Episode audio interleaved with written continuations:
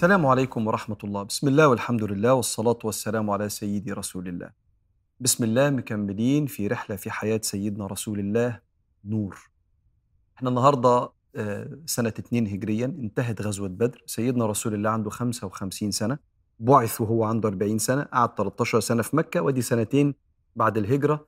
2 هجريا يعني 55 سنة من عمر النبي عليه الصلاة والسلام. انتهت معركة بدر بمقتل سبعين من زعماء الشرك في قريش واستشهاد 14 صحابي من ال 314 اللي خرجوا مع سيدنا النبي عليه الصلاة والسلام.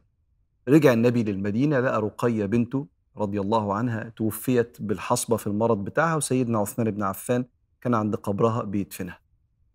وبعدين أحداث مهمة حصلت بعد غزوة بدر مهم إنك أنت تعرفها. عشان تفهم النفسية الإيمانية. وتفهم النبي كان بيربي الصحابة وبينور لهم طريقهم إزاي. آخر مشهد حصل في بدر إن سيدنا النبي عليه الصلاة والسلام رجع بعد ما دفن المشركين في قليب اسمه قليب بدر يعني في حفرة ودفنهم فيها. لما دفنهم قال يا فلان ويا فلان وقعد ينده على كل واحد من المشركين اللي اتقتلوا. أبو جهل وأمية بن خلف وعتبة بن ربيعة وشيبة بن ربيعة. هل وجدتم ما وعد ربكم حقا؟ لما بينزلوا القبر بتبدأ أحداث الآخرة فبيشوفوا الحاجات اللي النبي عليه الصلاة والسلام قال عليها واللي هم كانوا بيقولوا عليها مستحيل. إن إحنا أإذا كنا عظاما نخرة قالوا تلك إذا كرة خاسرة بقى إحنا لما ننزل القبر والأرض تاكلنا وبس كده يخلص الموضوع بقى في حاجة اسمها آخرة؟ مستحيل ده إحنا نخسر. تلك إذا كرة خاسرة. فلما بينزلوا القبر بيشوفوا الملاكين اللي بيسألوهم وبيحاسبوهم فالنبي بيقول لهم هل وجدتم ما وعد ربكم حقا؟ فسيدنا عمر بيقول له يا رسول الله أتكلم الموتى؟ قال إنهم يسمعونني أكثر مما تسمعني يا عمر. هم سامعين لأن إحنا عندنا في معتقدنا إنك لما بتزور الميت بيبقى سمعك ويرجع النبي عليه الصلاة والسلام للمدينة ويلاقي سبعين أسير في إيد المسلمين. أول مرة نأسر من جيش المشركين إحنا طول عمرنا بنضطهد ونتعذب. فإذا برسول الله ينور لهم يعملوا إيه؟ فقال استوصوا بالأسارى خيرا لدرجة إن أبو عزيز بن عمير ده أخو سيدنا مصعب بن عمير ده كان طالع أبو عزيز ده في جيش المشركين. بيقول فلما أوصى بنا محمد إذا بالصحابة بالمسلمين يعني يتركوا ما في أيديهم من الخبز وينفحون إياه. فإذا جاء الطعام أكلوا التمر ونفحونا بالخبز. الخبز أعلى عند العرب من التمر. التمر فيه وفرة الخبز لا. فمن كتر وصية النبي كانوا يبصوا الصحابة في الأكل وياخدوا الأشيك والأجمل والأغلى ويدوا الأسير. وسيدنا النبي عليه الصلاة والسلام بيعدي كده فيلاقي سيدنا العباس وكان ضخم جدا اللبس بتاعه متقطع فقاعد لابس بس من تحت الإزار ومن فوق عريان. فيبص كده سيدنا النبي فما يلاقيش غير عبد الله بن أبي بن سلول رأس المنافقين. بيدعي الإسلام بس هو منافق. فيشوف المشهد ابن أبي فيقوم قالع الرداء بتاعه وملبسه للعباس. إكراما لسيدنا النبي عليه الصلاة والسلام. افتكر بقى معايا المشهد ده إن ابن أبي بن سلول إدى العباس عم النبي واللي النبي بيحبه. إداله الرداء بتاعه علشان يعرف إن هو يستتر بيه. وبعدين سيدنا النبي عليه الصلاة والسلام مشغول قوي بالليل كده ما نمشي فواحد بيقول لسيدنا النبي لماذا لم تنام يا رسول الله؟ قال من أنين العباس. حلوا أو فكوا عنه وثاقه. يا ريت بس لو توسعوا شوية الحبل علشان هو عمال يعني بيئن بيقول آه من الحبل المربوط آه، عليه. فلما فكوا الوثاق واستراح العباس قال النبي صلى الله عليه وسلم وافعلوا ذلك بكل الأسرى مش بس عمي. وسيدنا النبي عليه الصلاة والسلام قاعد وكل شوية بقى يجي من مكة فلوس عشان يفدوا الأسرى. كان كل أسير بيتفدي إما ب 4000 درهم وبعضهم كان باكثر من كده من العائلات الكبيرة يبعتوا أموال يفدوا الأسير وسيدنا النبي عليه الصلاة والسلام يمشي الاسرى طب واللي معهمش فلوس كان صلى الله عليه وسلم يمن عليهم يقول لهم اتفضلوا ارجعوا بلادكم من غير أي حاجة. طب واللي متعلمين من الاسرى دول المشركين؟ اللي متعلمين بيعرفوا يقروا ويكتبوا يكتبوا. الأصل إن أمة العرب كانت أمية. هو الذي بعث في الأميين رسولا منهم. فالأغلب ما بيقراش ويكتب. فاللي بيقرأ ويكتب ده ثروة. فكان النبي عليه الصلاة والسلام يطلب من كل واحد متعلم يعلم عشرة من الأنصار. فإذا حذقوا حذقوا يعني بقوا ماهرين. تمام؟ بيقروا ويكتبوا تمام؟ اتفضل ارجع لبلدك. واحد من الأسرة كان اسمه سهيل بن عمرو وده هيكمل معانا في قصة النبي عليه الصلاة والسلام كان دايما يهجو النبي ويطلع يعمل خطب في مكة يعني إيه زي يشتم فيها الجناب النبوي سيدنا النبي عليه الصلاة والسلام ويتكلم كلام مش كويس. فلما اتخذ أسير أحد الصحابة قال لسيدنا النبي إيه رأي حضرتك؟ أقلع له أسنانه حتى لا يستطيع أن يقف خطيبا في أي موقف بعد ذلك؟ فقال النبي صلى الله عليه وسلم لا لا أمثل به فيمثل الله بي وإن كنت نبيا. شوف سيدنا النبي بيعلم الصحابة إيه؟ وبعدين وسيدنا النبي قاعد حد يخبط كده إيه الموضوع؟ كيس مبعوث لسيدنا النبي عليه الصلاة والسلام يفتحه يلاقي فيه ذكريات حلوة قوي قلادة السيدة خديجة. عقد بتاع السيدة خديجة. العقد ياه! خديجة توفيت من سنين. مين اللي بعت العقد؟ سيدة زينب بنت النبي زينب الكبرى بنته الكبيرة. كانت لسه متجوزة أبو العاص بن الربيع وكان طلع مشرك بيحارب واتخذ أسير وهي كانت لسه عايشة معاه في مكة ولم يفرق الإسلام بينهم. حكم التفريق ما كانش لسه نزل. فبعتت لسيدنا النبي القلادة دي عشان تقول له يا رسول الله ممكن أستأذن حضرتك تسيب لي جوزي اللي طلع يحاربكم وهو أصلا مشرك؟ قصة الحب دي رهيبة ما بين السيدة زينب وسيدنا أبو العاص بن الربيع. بفكرك إن أول ما النبي آه، بعث ولاد أبو لهب قاموا مطلقين رقية وأم كلثوم. وجت الناس في المشركين قالوا لهم طب ما تطلقوا ولاد النبي عشان تشغلوهم. فوافقوا. لكن أبو العاص بن الربيع قال لا أرضى أبدا بديلا بزينب. مستحيل. أفضل وفضل ماسك فيها. فبعتت القلادة فرق لها رسول الله وقال إن شئتم أطلقتم لها أسيرها وأعطيتوه القلادة. بلاش موضوع القلادة ده بتاع خديجة. سيدة خديجة اديتها القلادة جوزتها بيها راحت بيها البيت يعني وهي من ريحة السيدة خديجة. فكده المسلمين هياخدوا القلادة تبقى في بيت المال ويفرقوها لا طب معلش. اطلقوا الأسير ورجعوا القلادة. فقالوا سمعا وطاعا يا رسول الله. وتفك أبو العاص بن الربيع لكن طلب منه النبي عليه الصلاة والسلام لما توصل مكة ابعت لي زينب لأن الإسلام قد فرق بينكما. تعامل سيدنا محمد عليه الصلاة والسلام والمسلمين مع الأسرى كان فيه أنوار عجيبة جدا. الفكرة الأولانية إزاي جيش يبقى الأسير اللي من العدو اللي امبارح كان عايز يقتلني بياكل أكل أحسن من أفراد الجيش نفسه؟ يعني إيه؟ تخطر على بالك إزاي؟ أبو عزيز بن عمير أخو مصعب بن عمير. مصعب مسلم وأبو عزيز مشرك بيحارب المسلمين. يقول وإحنا قاعدين النبي وصاهم علينا فبقى أحدهم يديني الخبز وياخد هو التمر. الخبز أعلى من التمر. فرجع له العيش ما ياكلوش. اتفضل أنت. عشان النبي وصى. عارف ليه؟ لأن إحنا عباد والعبد ده ما بيتحركش إلا بأمر ربنا. أنا الأصل إن أنا ما بحاربش إلا اللي بيحاربني. دافع عن نفسي وقاتلوا في سبيل الله الذين يقاتلونكم ولا تعتدوا. انت امبارح كنت بتعتدي عليا هدافع عن نفسي بكل ما أوتيت من قوة. النهاردة ربنا مكني منك هرحمك. لأن أنا ماشي مع كلام ربنا وكلام سيدنا محمد عليه الصلاة والسلام. هو ده النور اللي أنا بمشي عليه. مش هغل عليك عشان أنت امبارح كنت عايز تقتلني. وبالمناسبة لو عفيت عنك وطلعت تحاربني تاني هدافع عن نفسي تاني. لأن ربي قال لي أدافع عن نفسي. وده يفهمك إن من شكر إن ربنا يمكنك إنك أنت ترحم. الكريم إذا قدر عفا.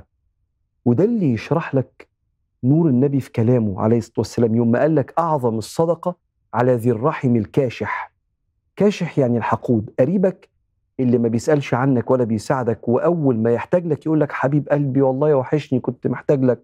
اتفضل. ما دام ربنا أحوجك ليا يبقى قدرني. ما دام قدرني أنا هبقى كريم. لأن ربنا يحب يشوف كده.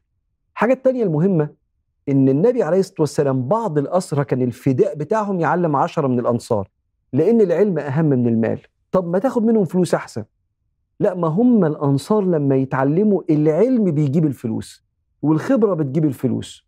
عشان كده ما تستخسرش في نفسك إنك تروح تتعلم وتدفع فلوس في إنك دماغك تبقى متكلفة علم وخبرات. الكتب اللي بتشتريها والعلم اللي بتقعد فيه في الكورسات والدروس انت بتاخد أدمغة ناس عندها خبرات عشرات السنين وقروا مئات الكتب. تستخسرش وادفع فلوس في ده. وربنا والله العظيم الواحد شافها. بيرد لك الفلوس اللي في العلم والفلوس اللي في كتب في الكتب لأن ده من أعلى أوجه الإنفاق في سبيل الله. لدرجة إن الدعوة اللي ربنا وصى بها النبي يدعيها وقل ربي ها إيه الدعوة النبوية. أقول يا رب وقل ربي زدني علما.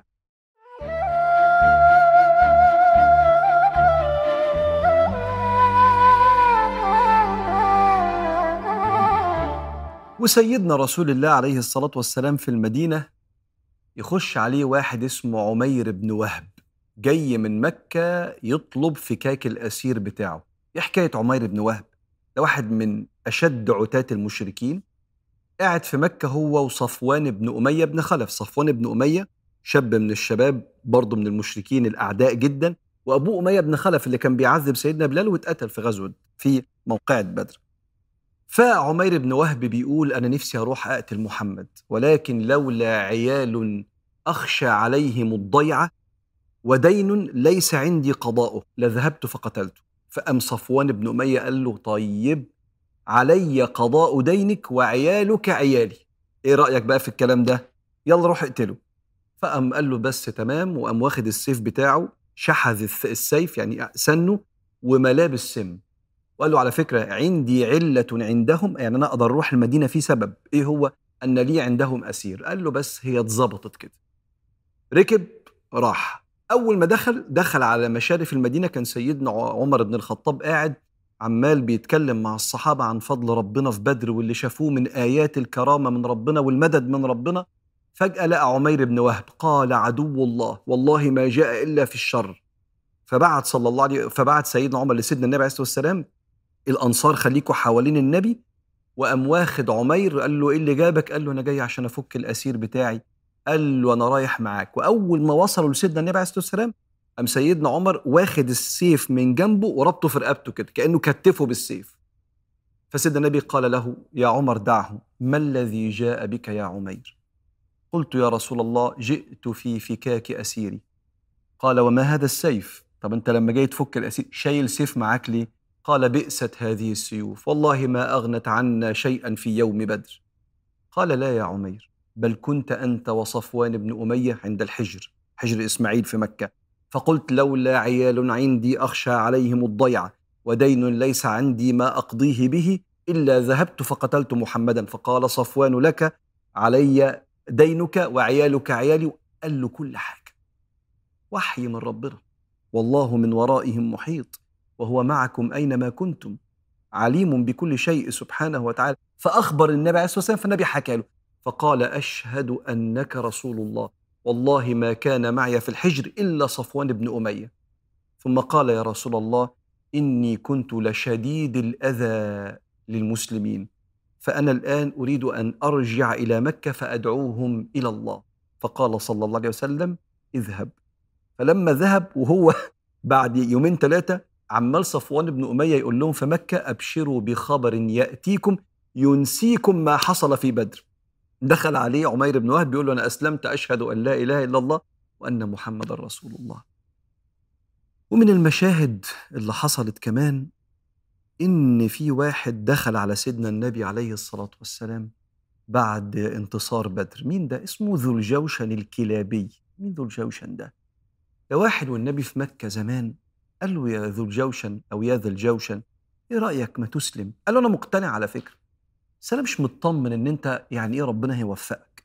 فلو ربنا وفقك وبقيت يعني أنت منتصر هجيلك ربنا يعني ما ما انتصرتش. خلاص أنا في وسط قومي كده إيه في ال في ال في الهدوء وفي الأمان يعني. يا محمد أنظر في أمرك.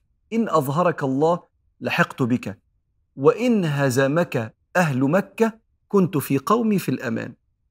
قال يا ذا الجوشن هل لك أن تكون من أوائل هذا الأمر؟ ما تخليك من الأول. قال له لا أنا إيه خليني في الفكرة بتاعتي دي. فلما انتصر النبي صلى الله عليه وسلم جاءه ذو الجوشن يبايعه على الإسلام وكان يعض على يده يعني كان يندم. أنه خسر أنه لم يكن من أوائل هذا الأمر. قصة ذو الجوشن قصة بتقول لكل واحد عايز ياخد الخير على الجاهز من غير ما يدفع ثمنه غالبا مش هتعرف تعمل كده. لأن كل حاجة ليها قيمة في الدنيا ليها ثمن وبالمناسبة ده من طبيعة عجينة وسنة ربنا في الدنيا عجينة الدنيا كده. الجنة لهم ما يشاءون فيها ولدينا مزيد. أما الدنيا لأ. أنت لو عايز أي إنجاز بيتحط فيه فلوس أو مجهود أو وقت أو أو تفكير. ذو الجوشن النبي قال له عليه الصلاة والسلام تحب تكون من أوائل هذا الأمر؟ قال له نمسك العصاية من النص. أنت صح أنا مؤمن بيك بس أنا مش عايز أتعب. فلو أنت انتصرت اجيلك ما انتصرتش أديني قاعد وسط المشركين قومي. ده ما ينفعش. ضيع على نفسه أجمل أيام نصرة الإسلام وأتقل الموازين. لا يستوي منكم من أنفق من قبل الفتح وقاتل. أولئك أعظم درجة من الذين أنفقوا من بعد وقاتلوا. وكلا وعد الله الحسنى. أكيد كلهم كويسين.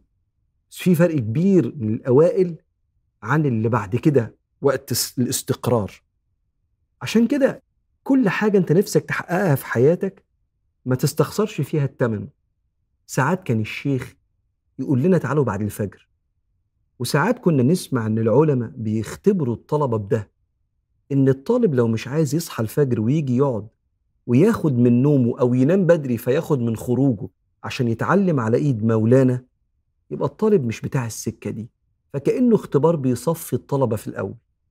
ساعات كتير بيوت بتتخرب في أول سنة أو سنتين من الجواز لأن الولد والبنت اتجوزوا بس ما عندهمش مسؤولية يدفعوا ثمن الاستقرار من نفسيتهم وأخلاقهم وكل كل واحد ياخد خطوة لورا في حاجات هو عايزها ومتعود عليها ومش مستعد أغير عاداتي عشان شريكي. طب ده أنتوا واخدين بعض وكل واحد فيكم عنده 24 ولا 25 سنة. يعني في عادات كتير محتاجين نتأقلم عليها بشيء من التسامح. ويا سلام لما نخلف عيال محتاجين وقت العيال. مش بعد ما أخلف أبقى لسه خروجاتي زي ما هي وسفرياتي زي ما هي. اخرج وسافر بس في تمن للبيت المستقر اللي بيحتاج نفسيتك ووقتك. وبالتالي ذو الجوشن هنا القصة بتاعته فيها نور. إن كل قيمة في الدنيا وحاجة ليها وزن كده ما تستخسرش تدفع ثمنها وبنفس طيبة كمان.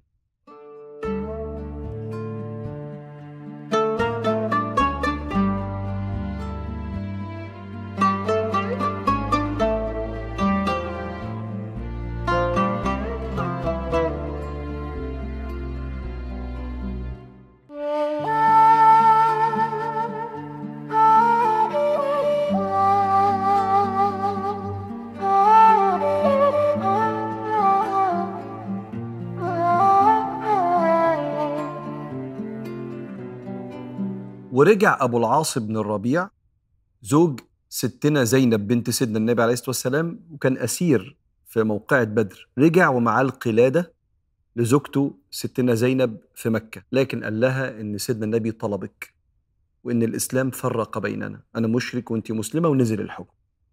وبعت معاها كنانة ابن الربيع أخوه. اتفضل ركبها الجمل الراحلة واطلعوا من مكة علشان توصل للنبي عليه الصلاة والسلام. راح كنانة لبس اللبس بتاعه وعدت العرب ياخد معاه القوس والسهم عشان يحمي نفسه في الطريق.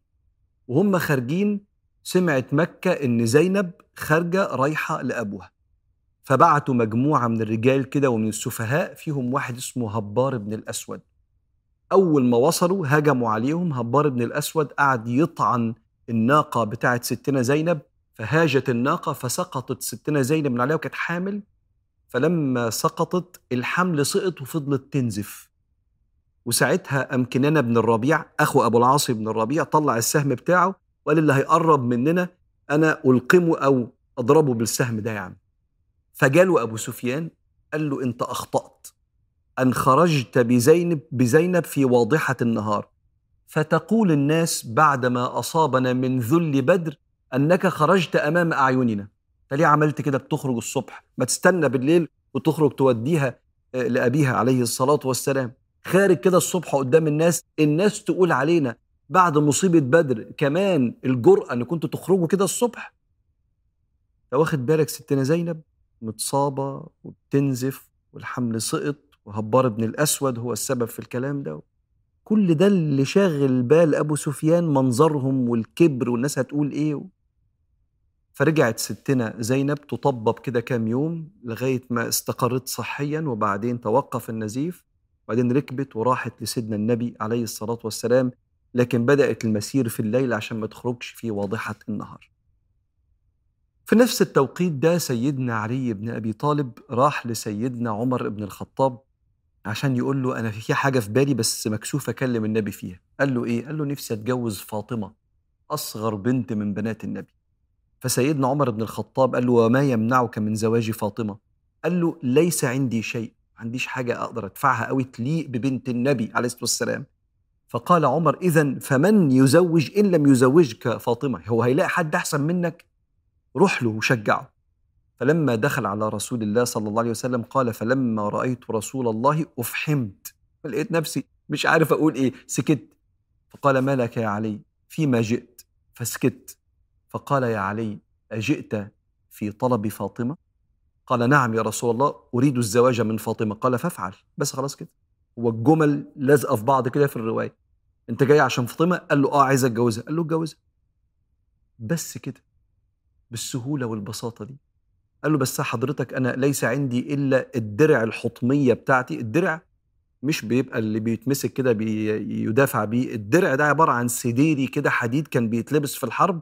عشان تدافع عن صدرك من السيوف والرماح وكده. فقال له ما عنديش غير الدرع بتاعي. قال له خلاص روح بيعها وتعالى لي. فباعها ب 400 درهم واداهم لسيدنا النبي عليه الصلاة والسلام. فقام سيدنا النبي عليه الصلاة والسلام قبض من ال 400 درهم دول قبض ثلاث قبضات واداهم لأم أيمن وقال اشتري بها عطرا لفاطمة. وبالباقي متاع ما يخدم فاطمة.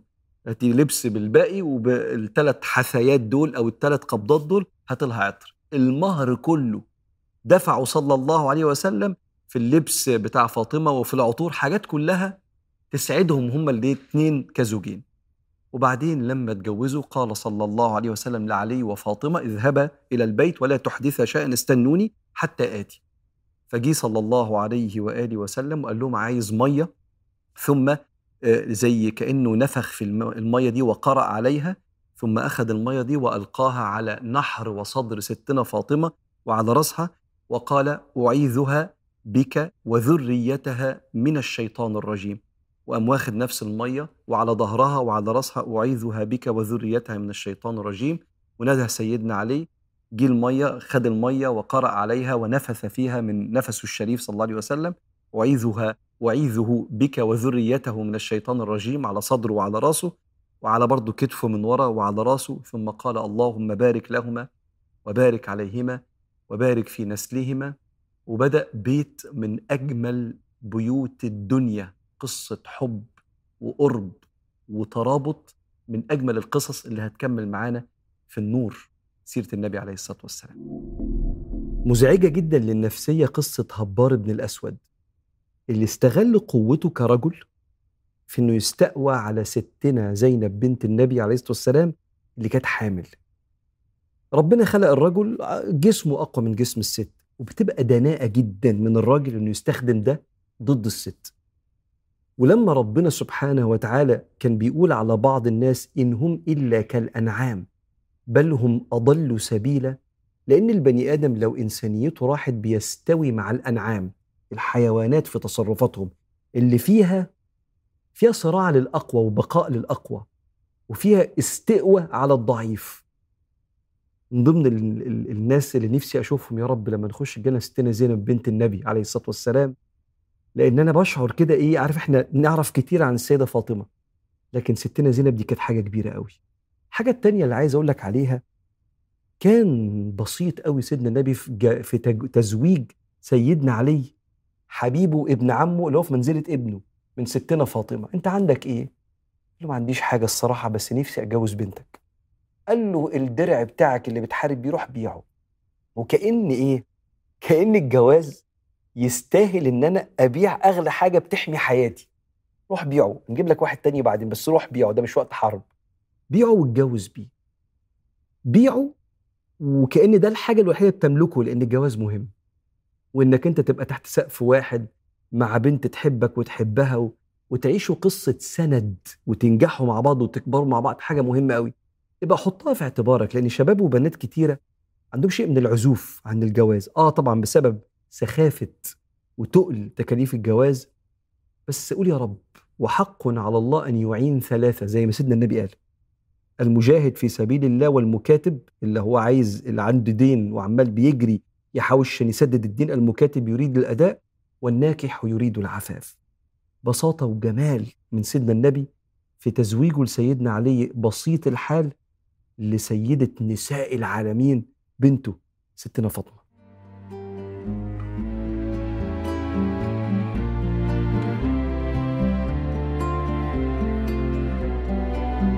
ناقص أكتر من مشهد في خواتيم سنة 2 هجريا. حابب إن أنا أحكيهم لك قبل ما ننتقل لسنة 3 هجريا في حياة سيدنا النبي عليه الصلاة والسلام. اليهود في المدينة كانوا ثلاث قبائل بنو قريظة وبنو النضير وبنو قينقاع. بنو قينقاع دول كانوا تجار وكان عندهم سوق. وكان السوق ده من الأسواق الشاطرة قوي اللي فيها فلوس يعني إيه واعدة. وكان المسلمين بيتاجروا معاهم بموجب الصحيفة اللي حكيت لك عليها من كذا مرة اللي النبي عليه الصلاة والسلام كأنها صحيفة مواطنة هنتعامل بالأمان وبالمحبة وبالقرب بلد واحدة وكلنا شعب واحد. فراحت واحدة من المسلمات بتبيع حاجة في السوق ده وبعدين دخلت عند واحد آه، يعني إيه طبعا كأن الأسواق دي في حتت مساحات مفتوحة كده بيبيع ذهب. فبتشتري منه الذهب بتبيع وتشتري فقال لها أنا عايز أشوف وشك اكشفي لي عن وشك. فقالت له لأ مفيش مبرر إن أنا أكشف عن وشي. فوهي بتشتري كده بتتفرج على البضاعة حبوا يضحكوا عليها. فهي كانت قاعدة على الأرض عايزك تتخيل كده واحدة لابسة فستان وقاعدة على الأرض فالفستان مفروش كده فربط طرف الفستان في راسها. فأنت لو طرف الفستان مربوط في الراس لما أقوم يقوم الراس شد طرف الفستان فالفستان قام مرفوع. فظهرت عورتها. فقعدوا يضحكوا. فقام أحد المسلمين للسائغ اللي عمل الموضوع ده فقتله. فقامت اليهود على المسلم فقتلوه. فجت عيلة المسلم وهتقوم حرب. أقذر طرق التحرش بواحده مستأمناكم وهي لوحدها في وسط الرجالة لابسة مستور من فوق لتحت وعروا الستر. فحاصرهم النبي عليه الصلاة والسلام بجيش وأجلاهم طردهم بره المدينة. اللي زيكم ما يستحقش إنه يعيش معانا. إحنا مش مستأمنينكم على أولادنا ولا على نسائنا. أنت لسه هتسمع بنو النضير وبنو قريظة عملوا إيه بعد كده؟ ربنا بيقول ولا تزال تطلع على خائنة منهم إلا قليلا منهم. ده المشهد الأولاني. المشهد الثاني زواج ستنا أم كلثوم بنت النبي. من مين؟ دخل النبي عليه الصلاة والسلام على عثمان بن عفان اللي مراته ماتت في آه، من شهور ستنا رقية بنت النبي عليه الصلاة والسلام. فلقى حزين مالك يا عثمان؟ قال له يا رسول الله وهل أصاب الناس مثل ما أصابني؟ ماتت عندي بنت رسول الله وانقطع المصاهرة بيني وبينك. كان في بيني وبينك قرابة اتقطعت وبنتك ماتت عندي. فقال النبي صلى الله عليه وسلم لا تحزن فإن الله قد أمرني أن أزوجك أم كلثوم. نزل وحي من ربنا على سيدنا النبي كعادة كل تحركات سيدنا النبي عليه الصلاة والسلام وما ينطق عن الهوى إن هو إلا وحي يوحى. إن ربنا يقول له يجوز ستنا أم كلثوم لعثمان ابن عفان. وطلب من ستنا آه، أم أيمن إن هي تزف ستنا أم كلثوم لعثمان ابن عفان وتضرب أمامها بالدف في احتفال بسيط كده ويفرح سيدنا عثمان ويتسمى ذو النورين. ليه ذو النورين؟ لأن كان عنده السيدة رقية اللي ماتت السنة اللي فاتت بنت سيدنا النبي كانت مراته فلما انتقلت اتجوز النور الثاني ستنا أم كلثوم بنت النبي عليه الصلاة والسلام. أما المشهد الثاني في بداية سنة ثلاثة وهو وحي من ربنا وأمر إن سيدنا النبي يتجوز ستنا حفصة بنت سيدنا عمر بن الخطاب. كانت متجوزة واحد اسمه خنيس ابن حذافة السهمي ومات. فسيدنا عمر بعد وفاتها وانتهاء عدتها راح لسيدنا عثمان بن عفان. قال هل لك في الزواج من حفصة؟ قال له سيدنا فكر. وبعدين قال له قد بدا لي ألا أتزوج. لا مش عايز. راح لسيدنا أبو بكر الصديق قال هل لك في الزواج من حفصة؟ فقال له طب سيبني أفكر وما رجعلوش برد. يومين ثلاثة والنبي صلى الله عليه وسلم طلب إيد ستنا حفصة من سيدنا عمر. فسيدنا عمر بيقول أنا كنت متضايق في اليومين دول من أبو بكر أكتر من عثمان. اتضايقت إن عثمان اعتذر عن الجواز لكنه رجع لي. أما أبو بكر فوجدت علي فيه أنه لم يعد إلي بشيء. فلما النبي طلب إيديها جاء أبو بكر. قال له يا عمر أنا ما رجعتلكش لأني ما كنت أريد أن أفشي سر رسول الله. وقد سمعته يقول ماذا فعلت حفصة؟ كنا قاعدين في قعدة إحنا الاتنين. فقال أخبار حفصة إيه؟ فأنا مش هاجي أقول لك لما قلت لي تتجوز حفصة ولا لأ إن أنا كنت قاعد مع النبي في قعدة وجاب سيرة حفصة. أنا ما بطلعش الكلام اللي كان في قعدة بين اتنين.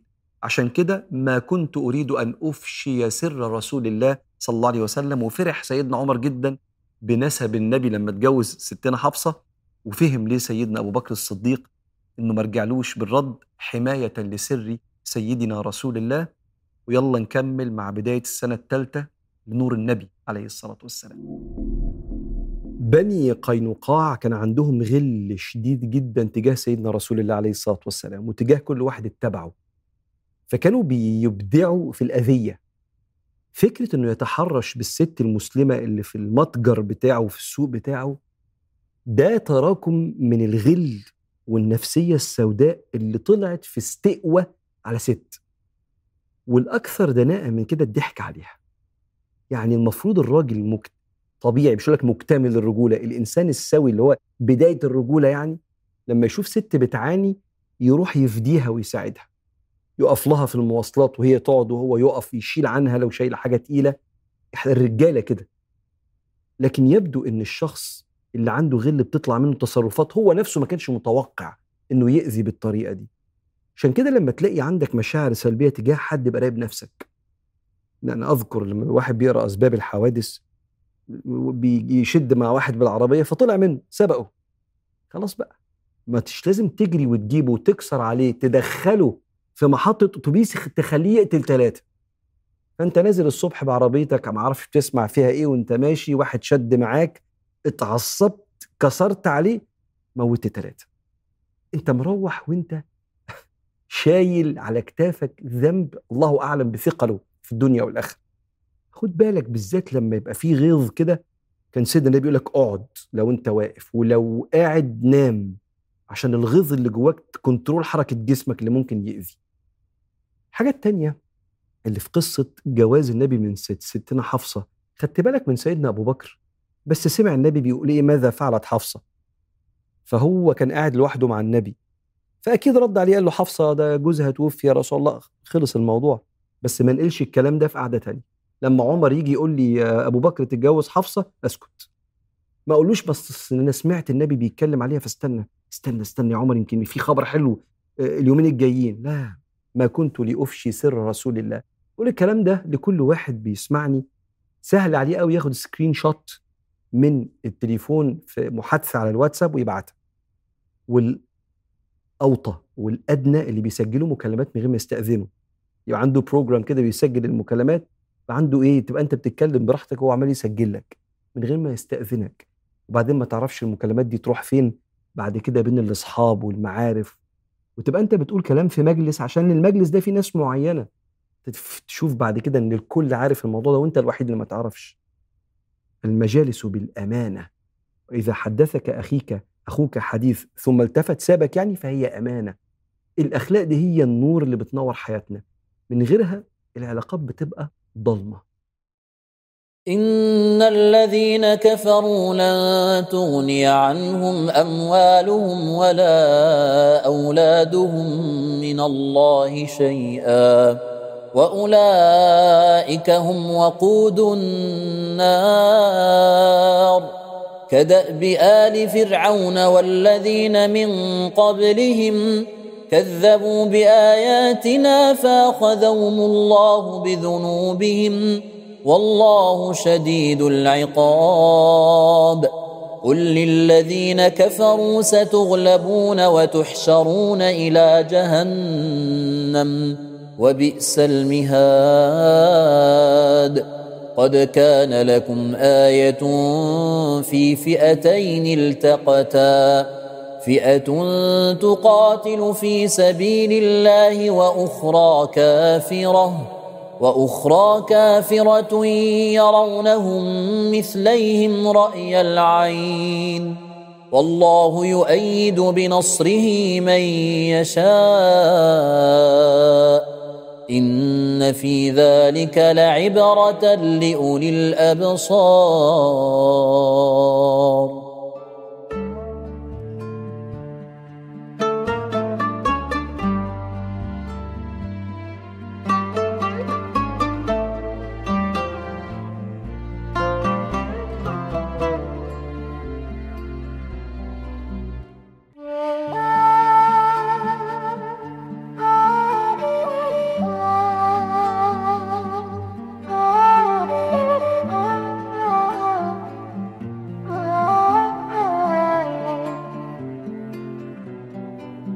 كان سيدنا محمد عليه الصلاة والسلام بيحرص إن الدين يبقى جزء من حياتك اليومية أقصد العبادة جزء من حياتك اليومية بحيث إن يومك يبقى متزن.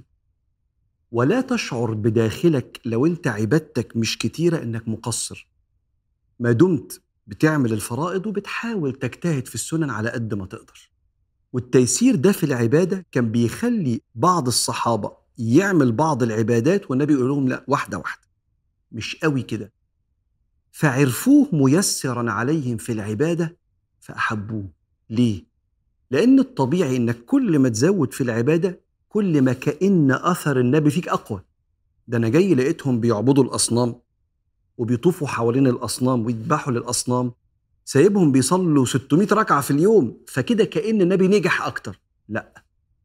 النبي صلى الله عليه وسلم كان عايز يطمنهم إنك أنت على قد ما تطيق بدل بتعمل الفرائض وبتحاول تجتهد في السنن على قد ما تطيق.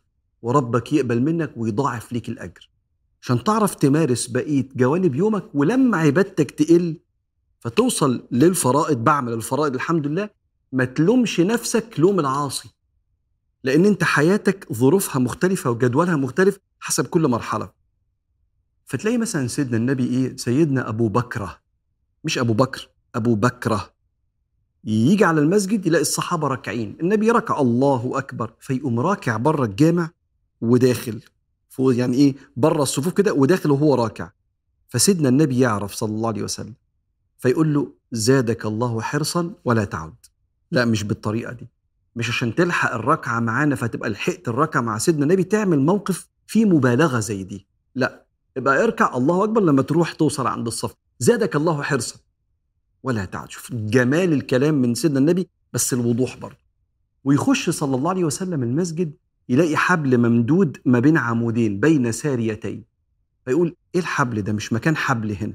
فيقول هذا حبل زينب بنت جحش زوجة النبي عليه الصلاة والسلام. إذا فترت من الصلاة تكأت عليه. بتصلي طول الليل. فلو تعبت من الصلاة كده ممكن تسند عليه علشان وهي إيه؟ نعسانة تبقى برضه بتصلي وهي ساندة على الحبل. فقال حلوة ليصلي أحدكم نشاطه فإذا فتر أو فإذا نعس فليقعد. يبقى إما يصلي قاعد أو ينام ينام أصلا ويستريح ما هو عمل اللي عليه. وده اللي يخليك تفهم ليه سيدنا النبي عليه الصلاة والسلام لما واحد دخل صلاة العشاء. ربط بره المواشي بتاعته. انت عارف الشمس تطلع اليوم يبدأ. الشمس تغرب اليوم يخلص. لا في عواميد نور ولو القمر مش موجود انت ما تشوفش قدامك متر. فربط المواشي بتاعته ودخل المسجد فافتتح سيدنا معاذ بن جبل البقرة. صلي عشاء بالبقرة. فالراجل قام طلع من الصف كده اسمها مخالفة المنفرد. المنفرد يقوم يصلي كده يخالف ويقوم راجع يصلي لوحده ومكمل العشاء وماشي.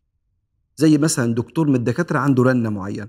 لو رنولي لو حصل كذا مثلا حاجة خطر مثلا هطلع من صلاة التراويح هكمل الركعة اللي ناقصالي وامشي. خلاص كده كأنه صلى منفردا وهو وسط الجماعة. فالراجل عمل كده. فلما سأل سيدنا معاذ كلمه مين اللي طلع من الصلاة ده؟ طلع ليه؟ آه أصل عنده مواشي وعايز يلحق بسرعة. فقال هو ده منافق ولا إيه؟ بعض الصحابة قالوا كده. فسمع الراجل إنه اتقال عليه منافق. إنه ساب الصلاة عشان يلحق يروح بيته بالمواشي عشان الشغل تاني يوم. إيه كان ده؟ سايب الدين عشان الدنيا؟ فالراجل زعل وراح لسيدنا النبي عليه الصلاة والسلام وقال له يا رسول الله بيقولوا عليا منافق عشان معاذ طول بيقرأ بالبقرة. وإحنا ناس عندنا نواضح النواضح اللي هي المواشي يعني. ما أقدرش إن أنا أسهر لو سهرت هصحى الصبح متأخر ولو رحت متأخر يجي لي ضربة شمس فأنا عايز أمشي بعد الفجر فعايز أنام. فقال صلى الله عليه وسلم بعد أن غضب غضبة ما رأيناه غضب مثلها. وقال أيها الناس إن منكم منفرين. فأيكم أما الناس فليوجز. فإن فيهم الكبير والضعيف وذا الحاجة. شوف سيدنا النبي إيه اللي خلاه يغضب؟ إن واحد بيصلي بالبقرة في العشاء. دي صلاة ما يطقهاش الناس بالتيسير. ونده على سيدنا معاذ قال أفتان أنت يا معاذ؟ عايز الناس تخش فتبقى عندها ملل من الصلاة. أنت بتصلي صلاة طويلة مش كل الناس قدراتها زيك. خلي الكلام ده في النوافل الناس تجي لك تبقى تصلي معاك السنة ماشي. اللي عايز يخش معاك بس الفرض بتاع الناس كلها صلي بالشمس وضحاها والليل إذا يغشى. أفتان أنت يا معاذ؟ لو هتصلي بالناس توجز فإن فيهم الكبيرة والرواية الكبيرة والصغيرة وذا الحاجة ورواية الكبير والمريض وذا الحاجة. فكأنه صلى الله عليه وسلم بيحط لنا معيار بالتيسير. هو اللي قال هو قال لن يشاد أحد الدين إلا غلبه فسددوا وقاربوا وأبشروا. كأنه صلى الله عليه وسلم بيقول خلي عندكم همة بس على قد طاقتك بحيث إنك أنت تبقى عايش في الدنيا بتعبد ربنا وعندك طبعا الفرض بتحاول يبقى عندك شيء من السنة وعندك أشياء تانية في حياتك كلها عبادة برضه ما أنت في شغلك وأهلك ورياضتك وزياراتك ومصالحك. فالاتزان ده يخليك لا تشعر إنك عاصي. لما عبادتك تقل شوية مدام بتاكل أو بتكلف نفسك ما تطيق. هم شافوه وعرفوه بيسر عليهم في العبادة فأحبوه.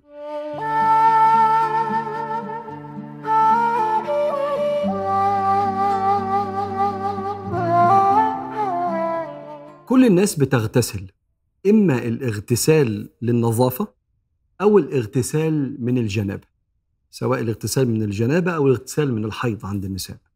وكان سيدنا النبي عليه الصلاة والسلام ليه سنة في الاستحمام أو الاغتسال.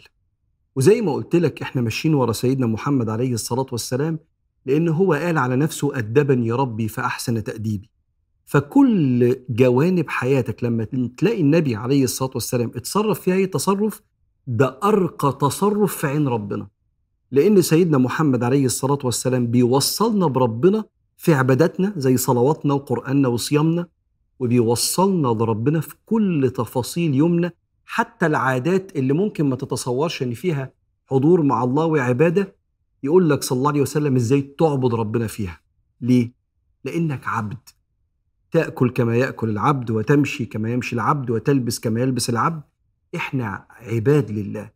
وبالتالي هتلاقي في عبادة في كل فعل. إحنا النهارده هنتكلم عن الآداب النبوية والسنن المنسية في اغتسال النبي عليه الصلاة والسلام. السنة الأولانية هي قول بسم الله عند خلع الثياب. لأنك لما بتخلع ثيابك حجاب بينك وبين رؤية الجن والشياطين لك أن تقول بسم الله كما قال صلى الله عليه وسلم. فابقى وانت بتقلع لبسك في الحمام تقول بسم الله. الأدب الثاني والسنة الثانية عدم الإسراف في الماء. رغم إن دي عبادة فيها تنظف أو فيها رفع للجنابة لكن إحنا مش بنسرف في المية. ولما سيدنا محمد عليه الصلاة والسلام شاف سيدنا سعد بيسرف في المية وهو بيتوضأ قال لا تسرف يا سعد. قال أفي الوضوء سرف؟ قال ولو كنت على نهر جار لو بتتوضأ من نهر ما تسرفش. طب وفي الغسل؟ سيدنا جابر بن عبد الله بعض التابعين التابعين هم الجيل اللي شاف الصحابة الصحابة الجيل اللي عاش مع النبي. فبيسألوه كيف كان غسل النبي عليه الصلاة والسلام؟ فقال لهم إنه كان بيغتسل بصاع. صاع ده زي مش إحنا عندنا لتر ده وحدة قياس للمية. عندنا المد والصاع. المد أقل من اللتر. المد تقريبا 6 8 8 يعني أكتر من نص لتر بشوية. النبي كان بيتوضى بالمد. وكان يغتسل بالصاع. الصاع أربعة مد. لو ضربت 6 8 8 في 4 طلع تقريبا 2.7 يعني 2 لتر و750 تقريبا أقل من 3 لتر لتر كان بيغتسل بيهم صلى الله عليه وسلم. فالتابعي لما سيدنا جابر قال له كان النبي صلى الله عليه وسلم يغتسل بالصاع قال لا يكفيني. قال كان يكفي من هو أوفى منك شعرا وخير منك. أنت بتقول إن الصاع ما يكفيكش اللي هو 3 لتر لا ده كان بيكفي حد شعره تقيل قوي صلى الله عليه وسلم وخيرا منك يعني أكثر منك حرصا على أنه يغتسل زي ما ربنا يحب. ده النبي صاحب السنة. فخد بالك من الإسراف. السنة الثالثة إنك تحاول تغتسل زي غسل النبي لو تقدر. لو تقدر. زمان كانوا بيغتسلوا بالكوز فأنت بتصب المية بطريقة معينة. طبعا الغسل اللي يكفيك إنك تقف تحت الدش والمية توصل لكل جسمك. وبقى خد بالك إن مهم إن المية المية توصل لمناخيرك وبقك كمان. من جوه فوانت بتغتسل كده تحت الدش ده تمام كفاية. بس النبي كان بيغتسل إزاي؟ أول حاجة كان بيغسل إيديه صلى الله عليه وسلم.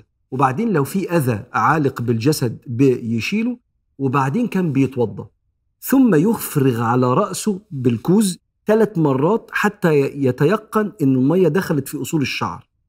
ثم يفرغ على آه، جسمه. بعد كده المية بيبدأ بالشق اليمين وبعدين بالشق الشمال. ده شكل غسل النبي. إيده ثلاث مرات يشيل الأذى اللي في الجسد ثم يتوضأ ثم على راسه ثم على جسمه كله ثم يغسل رجليه بعد كده. زي ما قلت لك لو وقفت تحت الدش والمية وصلت لكل جسمك أنت كده اغتسلت. بالمناسبة برضه عشان تبقى عارف معلومة في سنة النبي عليه الصلاة والسلام لو بتغتسل الاغتسال اللي هو بستحمى مش من جنابة استحمام النظافة يبقى توضى بعدها لو عايز تصلي. لكن غسل الجنابة اللي بيرفع الحدث الأكبر الحدث الأكبر اللي هو بيجي بسبب الجنابة الحدث الأصغر اللي بينقض وضوء. رفع الحدث الأكبر بيرفع مع الحدث الأصغر. فأنت لو بتغتسل بس من الجنابة اغتسلت بس وقفت تحت الدش كده أنت كده متوضي تقدر تصلي ودي معلومة مهمة ملهاش دعوة بالسنن بس معلومة ليك. السنة الرابعة من سنن الاغتسال هو التيقن من وصول المياه لفروة الرأس.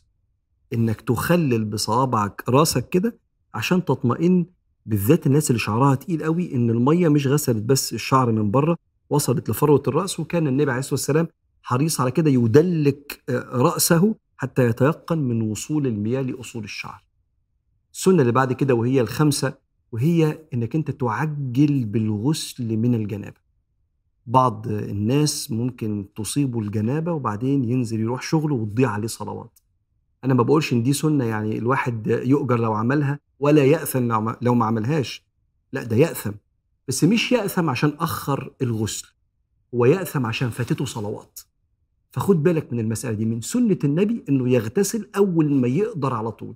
فاللي بتصيبه جنابة على طول يغتسل ولو حب إن هو ينام بيتوضى قبل ما ينام ثم لما يستيقظ يبقى يغتسل بعد كده.